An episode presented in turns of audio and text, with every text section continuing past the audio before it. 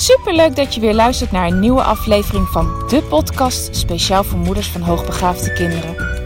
Mijn naam is Eveline Noordzij en in deze podcast deel ik tips en inspiratie, zodat jij meer en meer in jezelf gaat geloven en durft te vertrouwen op je intuïtie. Want jij bent precies de moeder die jouw kind nodig heeft. Hoe ga je om met uitdagende situaties? Wat heeft jouw kind van jou nodig? En hoe zorg je voor verandering in je gezinssituatie door jouw eigen persoonlijke groei? Ik heb er veel zin in om dit allemaal met jou te delen. Dus laten we voor vandaag maar gaan beginnen. Ha, lieve luisteraar, een nieuwe dag, een nieuwe podcast. Vandaag neem ik alweer podcast nummer 30 op. En ja, het gaat gewoon echt heel makkelijk en goed.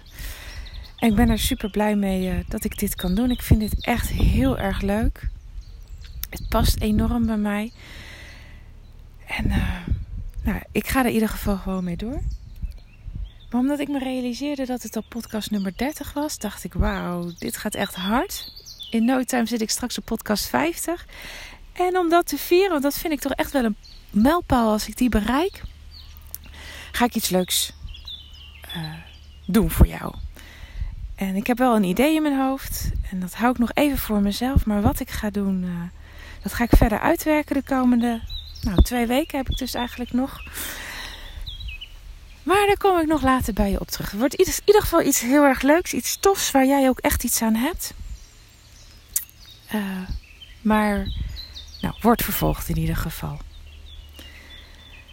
Waar ik het vandaag met je over wil hebben. En dan ga ik eerst even terug naar de liefdevol grenzen stellen workshops die ik in het verleden heb gegeven. En als ouders bij mij kwamen, dan was altijd. Ik begon eigenlijk altijd eerst met een voorstelrondje. Omdat ik het altijd fijn vind om te weten, nou ja, wie zit er tegen me over me.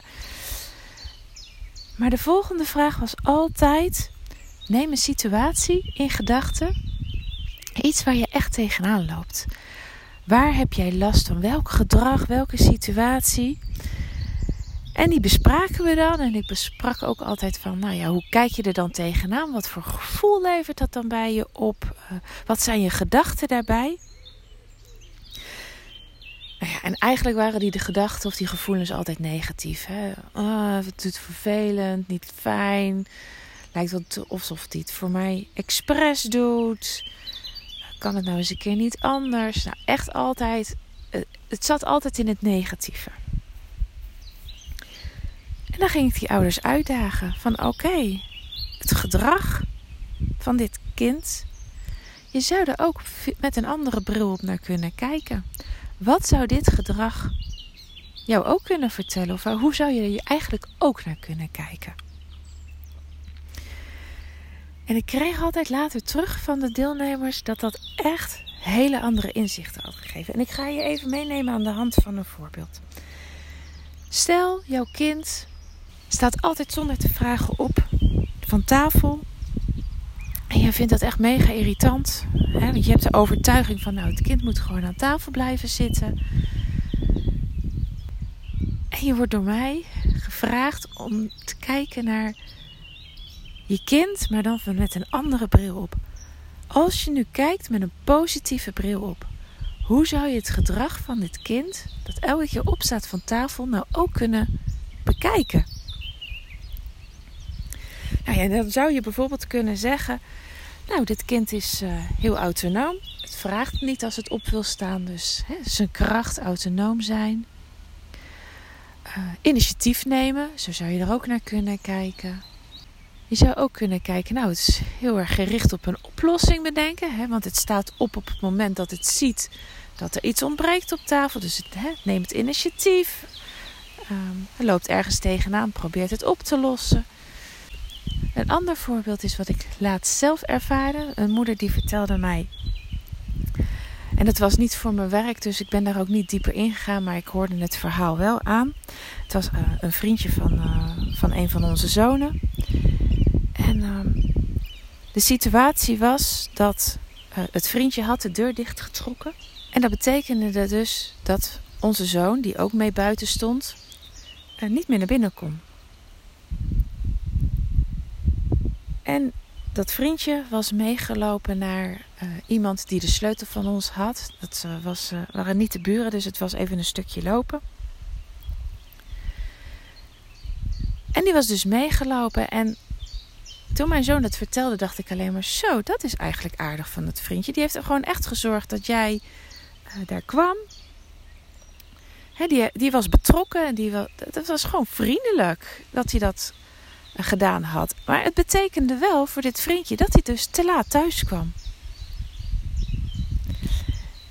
En ik had het verhaal al gehoord uh, van mijn zoon. En nou, ik, uh, ik stond er eigenlijk heel positief tegenover. En die moeder vertelde mij ja. En hij was te laat thuis. En uh, ja, we hebben even gezegd van, dat we dit echt niet meer willen. Want het is al de zoveelste keer. En nou ja, er zit een consequentie aan van het feit dat hij nu niet op tijd was. En gaandeweg het gesprek vertelde ze me wel wat er gebeurd was. Dus ik dacht, oké, dat hoef ik dus niet meer te vertellen. Ze, ze, is daar al van op de hoogte. Dus zo zie je dat aan elk verhaal er gewoon twee kanten zit hoe je naar het kind kan kijken. En kies jij er dus voor om te kijken vanuit de bril van hè, vervelend, lastig, wil ik niet meer ja, dan, dan geef jij een reactie vanuit die negatieve kant. Maar als jij kijkt vanuit het positieve, van goh, mijn kind heeft op dat moment ervoor gekozen, ook al wist misschien wel dat het een consequentie heeft, maar om te zorgen dat mijn vriendje uh, tot een oplossing zou komen en dat dat ook gewoon in gang gezet wordt en ik heb dat begeleid, ja, dan zal je reactie ook heel anders zijn. De medaille heeft altijd twee kanten. En de vraag is: naar welke kant kijk jij? En daarbij wil ik niet zeggen dat de ene kant slechter is dan de andere kant. Maar ik wil je wel hierin meegeven dat jij een keuze hebt naar welke kant van de medaille je kijkt. En dat de keuze die jij maakt naar welke kant jij kijkt, ook consequenties heeft voor het gevolg. Want ik kan me voorstellen dat als jij kiest naar door die positieve bril op te zetten en je kind uiteindelijk te belonen, of tenminste, belonen, ik, ik heb echt eigenlijk een hekel aan het woord, maar om positief te benaderen in de zin van: Goh, wat ontzettend fijn dat jij iets hebt gedaan, dus door die deur dicht te trekken, maar dat je het ook hebt opgelost door samen met jouw vriendje die sleutel te gaan halen. En dat vind ik echt heel fijn en dat, dat waardeer ik heel erg. En ik denk dat ook jouw vriendje dat waardeert dat het gevolg ook heel anders zou zijn dan als je gaat zitten op: oké, wat je nu gedaan hebt, je bent daardoor te laat. En dat vind ik echt heel vervelend. En dat betekent dat er een consequentie aan zit. Daarmee zet je een heel ander pad in de gang. En nogmaals, wat je kiest is beide goed, maar ben je daar wel heel erg van bewust. En als het is dat je echt je kind wil leren van Weet je, we hebben al zo vaak afspraken gemaakt en dit is al de zoveelste keer. Ja, dat, ik wil nu gewoon dat het dit echt stopt. Want, nou ja, en dan kan je van alles aanhangen. Dat wil ik niet zeggen dat het verkeerd is. Maar besef wel welke intentie je er uiteindelijk achter hebt. En is het jou niet waard dat daardoor een negatieve situatie kan ontstaan die alleen maar langer duurt? Dan is het misschien ook wel heel zinvol om een keer te kijken naar die positieve kant en vanuit die optiek je kind te benaderen. En nu ik dit vertel, moet ik opeens denken aan, uh, aan een moment die ik zelf had. Ik werkte toen als uh, groepsbegeleider met jongeren tussen de 15 en 18 jaar. En ik had nachtdienst, dus dat betekende dat ik daar ook moest slapen. En een van die jongeren was niet thuisgekomen. En eigenlijk, ja, je van de bepaalde jongeren verwachtte je dat wel. Hè? Wist je al wel dat dat vaker zou voor zou komen. Van deze jongen had ik dat echt compleet nooit verwacht. En ik heb me dus ook echt die nacht wel zorgen gemaakt van jeetje. En ik kreeg hem niet te pakken. Heel veel keren gebeld.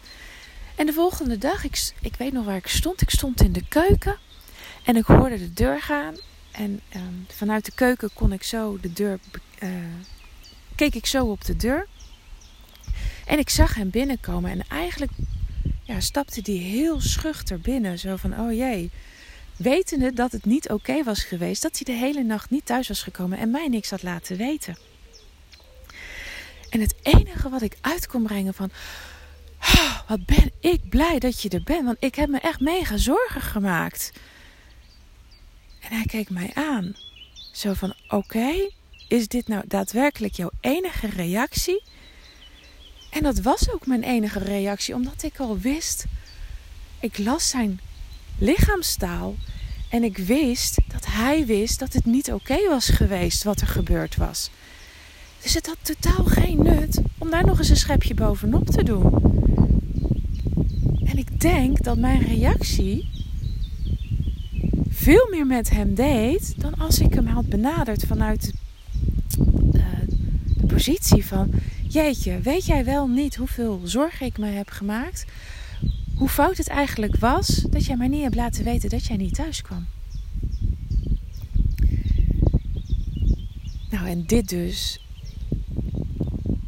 je hebt als ouder altijd de keuze. Je hoeft niet altijd vanuit het, ja, ik noem dat dus de negatieve kant te reageren.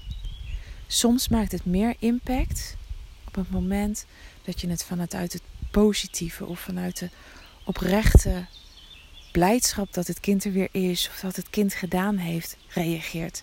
En daarmee stimuleer je dat gedrag ook.